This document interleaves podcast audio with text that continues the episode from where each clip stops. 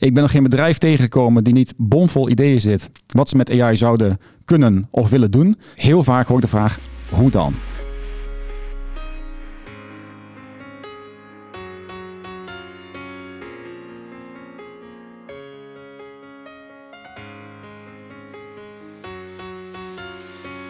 Welkom bij een nieuwe aflevering van de podcast Business vooruit met IT van InfoSupport.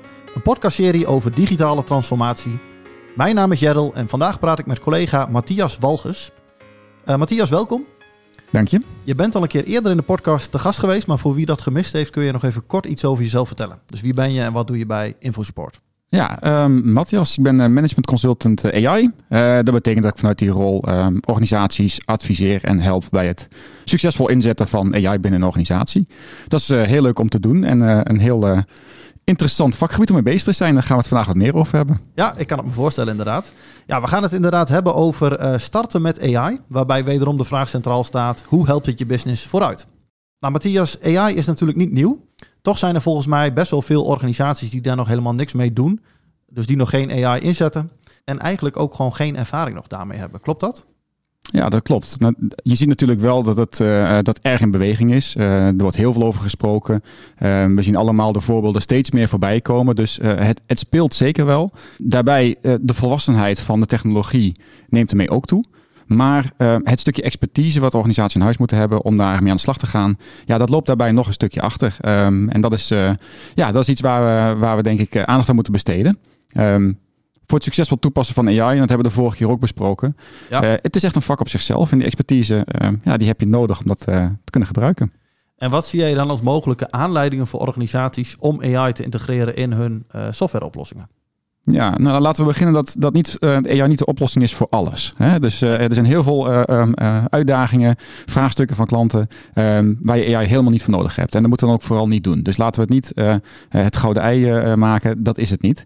Maar er zijn wel heel veel uitdagingen waarin AI een unieke mogelijkheid biedt om dat op te lossen die anders niet mogelijk is. Waar de beperkingen van rule-based beslissingssystemen bijvoorbeeld echt niet uitkomen. Dus AI biedt een mogelijkheid antwoord te geven op vragen of oplossing te geven op vraagstukken die anders niet mogelijk zijn. Ja, dus ook over tien jaar is het niet zo dat iedereen AI in zijn software oplossing Nee, het is, het is echt een, een, een extra um, um, mogelijkheid die je hebt om, uh, om vraagstukken op te lossen, maar zeker niet de enige en gaat niet andere oplossingen vervangen. Nee, mooie uitbreiding op, uh, op bestaande oplossingen. Um, hoe ziet die stad uh, met AI er dan voor veel organisaties uit? Ja, wat wij, wat wij doen als organisaties, uh, de vraag stellen van we willen iets gaan doen met AI. Of, of we zijn ervan overtuigd dat AI meerwaarde zou hebben voor onze organisatie. Alleen we weten nog niet precies hoe. Uh, wat we dan doen is, we gaan met zo'n uh, met zo'n klant samen een design week doen. Um, en in design week gaan we een aantal stappen doorlopen om het, idee, het idee, een AI-idee, te valideren. Maar ook ja. de meerwaarde ervan aan te tonen. heel vroeg laten zien wat dat zou opleveren. Waar je mee begint is wat zijn eigenlijk de ideeën waarmee je aan de slag wil. Ja, dat, is, uh, dat, dat, doen we in een, in een korte workshop van een paar uur met business, IT, uh, directie, iedereen bij elkaar. Dat is de start van zo'n design week. Ja, je gaat eerst de ideeën ophalen. En, en vaak zijn er al ongelooflijk veel ideeën binnen organisaties van ja, wat zouden we eigenlijk willen? Uh, en, en niet denken in de begrenzingen van wat kan, maar gewoon, goh, als alles zou kunnen, uh, wat zou je willen oplossen? En, en nou, misschien is ja wel een oplossing daarbij. En uh, zo verken je. En in no time heb je dan een hele waslijst aan, aan fantastische ideeën waarbij, je, waarbij een, ja, een bedrijf gewoon meerwaarde kan halen uit AI. Um, of dat allemaal mogelijk is, is dan de vervolgende vraag. Maar begin met de ideeën op te halen van waar je de kansen ziet. Ja, en dan neem ik aan dat je gaat kijken naar uh, misschien hoe belangrijk die verschillende ideeën zijn, welke problemen ze oplossen, maar ook de haalbaarheid in een week. Ja, nou ja, het beginsel zie je gewoon de creativiteit en zie je hoeveel mogelijkheden er zijn. Maar uiteraard ga je daarna zeggen, nou welke zullen we als eerste valideren? Welke vinden we de meeste potentie hebben? Of vinden we het meest interessante vraagstuk of het meest onderscheidende? Hè? Uh, je gaat altijd kijken, wat draagt het meeste bij op de strategische bedrijfsdoelen van, uh, van de organisatie? Um, dus dat selecteer je dan één of twee uh, ideeën uit en zegt, daar willen we eventjes induiken en daar willen we zien zou het werken? Hè? Gaat ja. AI ons helpen dit vraagstuk op te lossen? Uh, kunnen het onmogelijke mogelijk maken? En hoe ziet dan die week daar uh, voor de rest eruit? Dus je hebt dat idee bepaald en dan? Um, ja, wat we daarin lopen is eigenlijk een heel um, um, planmatige uh, aanpak om in vijf dagen dat idee op te bouwen, uh, um, uh, te toetsen, te valideren en de resultaten terug te koppelen. Uh, dat begint met het vraagstuk zo concreet mogelijk maken. Wat wil je aantonen eigenlijk? Hè? Dus eerst ja. die vraag, wat wil je aantonen en wat zou je daarvoor nodig hebben? Vervolgens kijk je in de tweede stap kijk je naar de data. Welke data heb je en kun je gebruiken om te bewijzen wat je wil bewijzen? Dat kan aantonen of dat je een bepaalde, uh, bepaalde type clustering, categorisering van klanten kan doen. Of hè, je kunt het zo ja. gek niet bedenken. Um, de derde stap is, als je die data hebt en je hebt die geanalyseerd, even bekeken wat er allemaal in zit, dan ga je een AI-model erop trainen. Um, ga je kijken of dat AI antwoord kan geven op de vraag die je hebt. Mag ik trouwens heel even terug naar het stukje data wat jij noemt? Want wat Zeker. ik wel eens uh, hoor van organisaties, is dat er dan wordt gezegd van ja, we hebben eigenlijk onze data nog niet op orde. Uh, dus we kunnen daar nu nog niet mee starten. Ja, dat is inderdaad een vraag die je vaak, uh, vaak hoort. En, en dat is niet het geval. Uh, om te starten hoef je je data uh, in die zin niet op orde te hebben als je de data wel hebt. Hè? Je hebt data nodig om AI-modellen te trainen en, en te evalueren. Maar dat hoeft niet gekoppeld te zitten aan systemen? Of... Dat hoeft nog niet real-time uit systemen te komen. Dat hoeft er geen, geen koppeling onder te liggen. Als de data op te halen is, al is het handmatig, dan kun je daar je design week, je validatie van AI mee doen. Ja. Um, voor de vervolgstap is die vraag echter wel heel goed om te stellen, want als je het in de enterprise wil introduceren, het, als je echt naar productie wil brengen, ja, dan is het vaak wel waardevol om te zeggen, ja, we gaan dit zo vaak herhalen. Uh, laten we die data ook gewoon automatisch beschikbaar stellen. En dan praat je over dataplatformen en dat soort zaken. Maar voor het experiment zelf, voor de Design Week, is dat niet nodig. Nee, oké, duidelijk. En uh, voor de rest in die week? Um, nou, als die data dus hebben bekeken en het model erop getraind hebben, dan um, uh, stap 4 is het verfijnen van je model. Hè? Je hebt gekeken, kan ik daar AI op toepassen? En wat zou ik dan eventueel kunnen aanpassen aan een model om hem nauwkeuriger uh, te maken en uh, het nog beter te maken? Um, daarmee ga je even toetsen hoe ver kan ik gaan. En ontdek je ook van wat zouden de vervolgstappen zijn. En de laatste stap in de week is het evalueren van het experiment bepalen van de nodige vervolgstappen of mogelijke vervolgstappen en het presenteren van de resultaten. Dat is het eigenlijk in vijf dagen. Um, loop je het gehele ontwerpproces en bouwproces van uh, AI-algoritme. Um, en heb je heel duidelijk in kaart gebracht wat je mist of wat je nog zullen toevoegen om het nog beter te maken. Ja, dus uh, validatie, resultaten en misschien een, een inkijkje in de next step, zeg maar. Dat, dat is het resultaat na die week. Ja, je, je, haalt er gewoon uit, is het de moeite waard om daar verder in te investeren in dat AI-idee uh, of niet? Hè? Heeft het waarde, meerwaarde voor de organisaties? Draagt het bij aan de doelstellingen?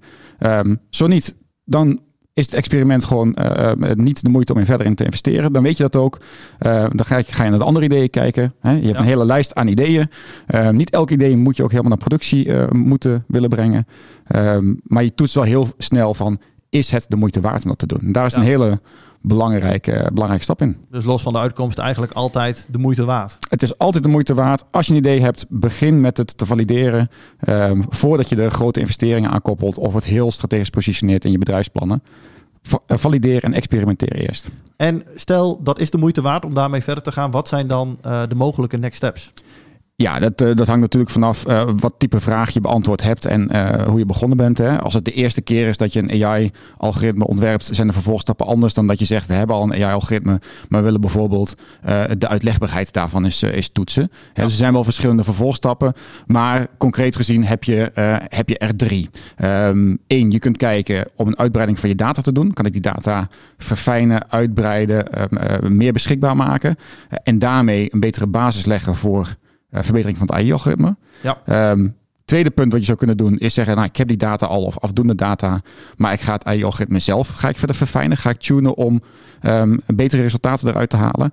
Um, en het derde wat je kan doen is zeggen, wij willen als organisatie meer kennis opdoen over hoe we dit verder kunnen ontwikkelen en zelf ook kunnen doorontwikkelen. En daar uh, een stukje opleiding in doen. Uh, onze mensen trainen ja. om AI-ontwikkeling, maar ook MLOps daarin uh, te kunnen toepassen. En ik denk bij die drie ideeën dat daar parallel aan loopt, dat je het dan dus integreert ook in je softwareoplossingen. Ja, als je dat denk naar productie gaat brengen, dan komen hele andere vraagstukken natuurlijk bij kijken. Dan komt echt integratie met, uh, met je dataplatform en zo komt daarbij kijken. Maar uh, ga je ook um, versiemodellering van je, uh, van je algoritmes hebben, komen dus nou, eigenlijk de vraagstukken die we in software engineering al, al, kennen, dan wordt het gewoon een softwarecomponent. En dan moet je dat ook als, als dusdanig aanpakken. En ja. dan komen ook zaken als compliance en governance komen dan bij kijken. Hè. kunnen die data gebruiken? Hoe kunnen we blijven valideren dat het algoritme ehm, ehm, zich binnen de kaders van onze compliance blijft, uh, blijft gedragen? Dat soort onderwerpen komen echt kijken als je naar productie gaat. Dat is een proces op zichzelf, daar kunnen we ook bij helpen. Daar hebben we ook veel ervaring mee. Ja. maar dat is iets wat na het experiment pas plaatsvindt. Duidelijk. waarom is het belangrijk om nu te starten met AI? Ja, ik denk dat het moment gewoon daar is. Um, een aantal dingen um, zijn mee, zijn zeg maar het moment voor. Uh, de ontwikkeling van de technologie, de cloud-technologie is razendsnel gegaan. Um, uh, die randvoorwaarden zijn er gewoon. alle ja. basisvoorwaarden vanuit technologie zijn er. Ten tweede um, zien we gewoon dat uh, bijvoorbeeld de volwassenheid van uh, explainable AI, uitlegbare AI, uh, enorm gegroeid is de laatste tijd. En daarmee de drempel om AI toe te passen in processen die voor de mens impact hebben, gewoon afgenomen is. Um, dat is een belangrijke randvoorwaarde, denk ik, voor veel grote organisaties. Zeker, zeker. Zodra, zodra de, de uitkomsten van een algoritme um, impact hebben op, op, op ons als samenleving, op ons als individu, dan is uitlegbaarheid van hoe uh, het systeem tot die beslissing is gekomen, ja, dat is gewoon niet, uh, niet is, ondenkbaar om het zonder te doen. Um, dat ook, is ook gesteund overigens door de Europese wetgeving die daar, die daar nu over vormgegeven is. Um, die gewoon heel duidelijke kaders en richtlijnen geeft aan bedrijven. Van kijk, als je met AI aan de slag gaat, zijn dit gewoon de uh, de boundaries, de kaders waarbinnen je dat kunt doen. Ja. Dus het is heel helder, de technologie is er klaar voor. Um, uh, um, zowel de AI-technologie als de cloud-technologie.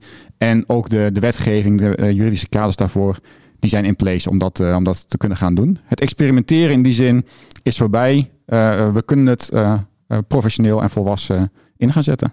En waarom is dat belangrijk voor digitale transformatie? Ja, dat is iets wat we de vorige keer ook hebben besproken, uh, Gerald. De, de, um, de, digitalisering van processen, dat is iets wat, uh, wat ongoing is en, en gewoon razendsnel gaat. Um, en in die digitalisering wordt ook de data steeds verder gedigitaliseerd. En zie je gewoon dat AI daar een, een belangrijk onderdeel van is. Um, dat is een onderdeel van het digitaliseringsproces. Daarmee kunnen bedrijven zich ook onderscheiden. Uh, met de digitalisering is dat een middel om dat te doen, je onderscheiden van de rest. En je dienstverlening te optimaliseren op je klanten. Um, ja, kun je het klantgedrag voorspellen?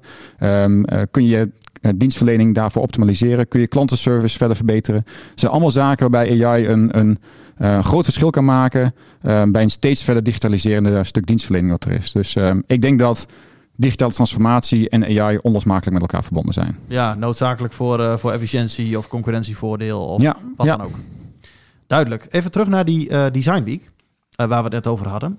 Um, kun je mij misschien ook even meenemen in een, een praktijkvoorbeeld daarvan? Hoe, uh, ja, hoe ziet dat eruit? Ja, een heel mooi voorbeeld daarvan is recent hebben wij met een fabrikant van, van transport en logistieke systemen um, zo'n experiment gedaan, zo'n design week gedaan. Um, daar was een heel mooi vraagstuk van hun. Kunnen wij met AI de uitval van onze transportsystemen voorspellen? Als we kunnen voorspellen, dan voorkomen we downtime. En dat is aan alle kanten natuurlijk beter. Uh, kunnen we misschien onderdelen vooraf eh, bestellen. Hoeven minder monteurs met spoed, uh, met spoed en haast naar die, naar die bedrijven te sturen. Oftewel, kunnen wij de uitval van onze systemen voorspellen? Um, een heel interessant vraagstuk, wat een enorme impact zou hebben op de bedrijfsdoelstellingen. En daarmee interessant is om in zo'n design week te valideren. Ja. En wat, ja, daar hebben we precies gedaan wat ik net zei. We hebben gekeken welke data is er. Um, zit daar informatie in die we kunnen gebruiken om een AI-algoritme te voeden? Uh, en te kijken of het AI-algoritme antwoord kan geven op, uh, op die vraag. Um, en, en interessante conclusie daaruit was: ja, de data is er. Um, ja, een AI-algoritme kan een voorspelling doen van uitval. Um, maar op dat moment was de data uh, op een dusdanig geaggregeerd niveau. Dat de voorspellende waarde daarvan heel kort op de storing was. En dus weinig praktische meerwaarde had. Maar de waarde van een AI-algoritme en de mogelijkheid om het te kunnen voorspellen, die is aangetoond. Vervolgstap daar is meer data verzamelen. Die data is er. En nogmaals eigenlijk zo'n iteratie doen van zo'n algoritme. Um, in die zin heel succesvol, heel leerzaam. En uh, een eerste ervaring om AI toe, te passen in, uh, in die sector. Ja, super interessant. En uh, ik kan me inderdaad voorstellen dat dat ehm, enorm veel effect kan hebben op ja, bepaalde doelstellingen binnen zo'n organisatie om ja, kosten te besparen, et cetera. Zeker, maar, uh, maar ook um, in dat proces um, um, heeft dat bedrijf zelf ontdekt wat zij allemaal nog kunnen doen om de volgende stap met AI mogelijk te maken. Dus dat waren dan stappen op het gebied van data. ze hebben alles in huis om heel veel al te doen voordat de AI-experts daar nog een stap in maken. En ook die ontdekking was wel een mooie. Dat AI is niet iets wat alleen maar door data scientists wordt gedaan of ML-engineers, uh, maar een heel groot deel ook door organisaties zelf gedaan kan worden. Hun eigen IT, hun eigen uh, engineers. Um, en hun eigen rol hebben ze daarin ontdekt. En ik vind dat ook wel mooi. Dat, dat uh, um, dat bedrijven ontdekken wat ze zelf kunnen doen zonder dat ze die expertise in huis hebben. Uh, ja. En tegelijkertijd wel erkennen welke expertise ze nodig hebben om dan daarmee verder te kunnen gaan. Ja, en ik kan me ook voorstellen dat dat uh, aansluit bij de uh, gehoopte uitkomst, omdat ze nu verder kunnen.